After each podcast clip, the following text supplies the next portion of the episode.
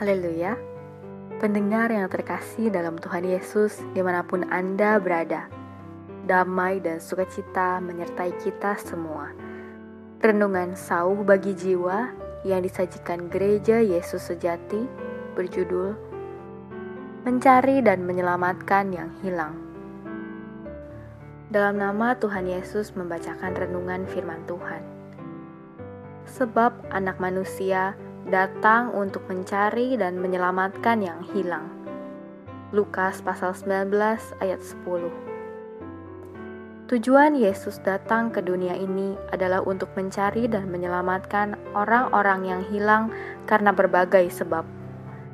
Dia berinisiatif untuk mendekati orang-orang berdosa, orang-orang yang ditolak, dijauhi, atau direndahkan oleh orang lain dia mencari orang-orang yang tidak layak dicari menurut pandangan mereka yang merasa dirinya benar dan baik. Dengan kasihnya, dia berusaha untuk menjangkau mereka.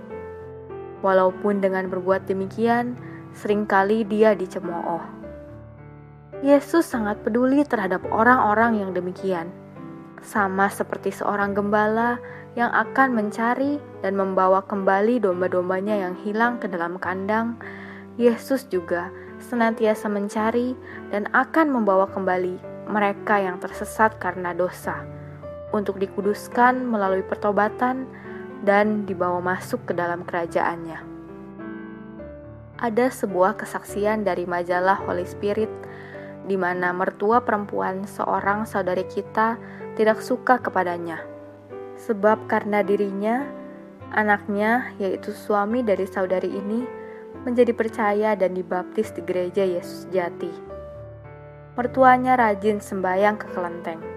Beliau juga sangat konservatif dan menganggap menantunya ini tidak menghargainya sebagai orang tua sehingga sering terjadi perbedaan pendapat dan kesalahpahaman. Saudari ini dan suaminya berusaha keras untuk menginjili mertuanya, namun sangat sulit sekali untuk mendekatkan diri dengan beliau. Kemudian, saudari ini bertekad untuk mendekatkan diri dengan cara menganggap mertuanya sebagai ibu kandungnya sendiri. Salah satu contohnya adalah ketika hari raya menyembah arwah leluhur dia sengaja membeli bunga untuk ditaruh di kuburan nenek. Saudari ini berkata bahwa orang Kristen diperbolehkan untuk membersihkan kuburan, asal tidak membakar dupa, sebab itu menyembah berhala. Dengan pendekatan seperti ini, perlahan-lahan hubungan mereka mulai membaik sampai kemudian mertuanya mau diajak ikut kebaktian di gereja. Dan setelah beberapa waktu, beliau mau menerima baptisan. Kesaksian di atas menceritakan bagaimana suami istri itu berjuang untuk menyelamatkan roh orang tua mereka. Walaupun diperlukan banyak kesabaran dan pengorbanan, akhirnya mereka berhasil. Kesaksian ini dapat menjadi pelajaran bagi kita. Kita pun harus berusaha mencari dan menyelamatkan orang-orang yang hilang mulailah dari orang-orang yang terdekat dengan kita, yaitu orang tua, saudara, kerabat, dan teman-teman kita. Apakah ada di antara mereka yang belum percaya kepada Tuhan? Jika belum, berusahalah untuk memberitakan tentang Yesus kepada mereka.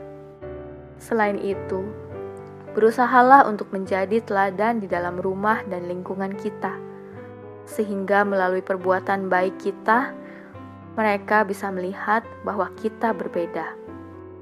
Kita juga harus memperhatikan iman saudara-saudara kita, sebab karena suatu hal mereka dapat menjauh dari Tuhan. Orang yang bersangkutan bisa saja tidak menyadarinya, tetapi kita bisa merasakannya.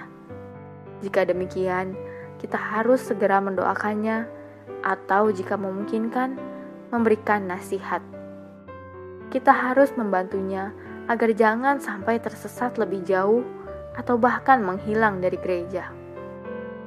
Puji Tuhan, kebaktian kebangunan rohani yang baru saya ikuti menginsyafkan saya akan hal ini.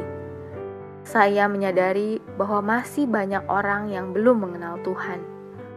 Mereka adalah domba-domba hilang yang harus kita selamatkan. Juga ada saudara-saudari yang semula sangat giat di dalam Tuhan, tetapi kemudian tidak datang lagi ke gereja. Saya ingin lebih sungguh-sungguh lagi mendoakan dan memperhatikan mereka. Semoga kita, sebagai satu keluarga di dalam Tuhan, bisa lebih saling mengasihi, saling menjaga, dan memperhatikan, apalagi untuk hal-hal yang menyangkut kekekalan. Tuhan Yesus menyertai kita semua. Amin.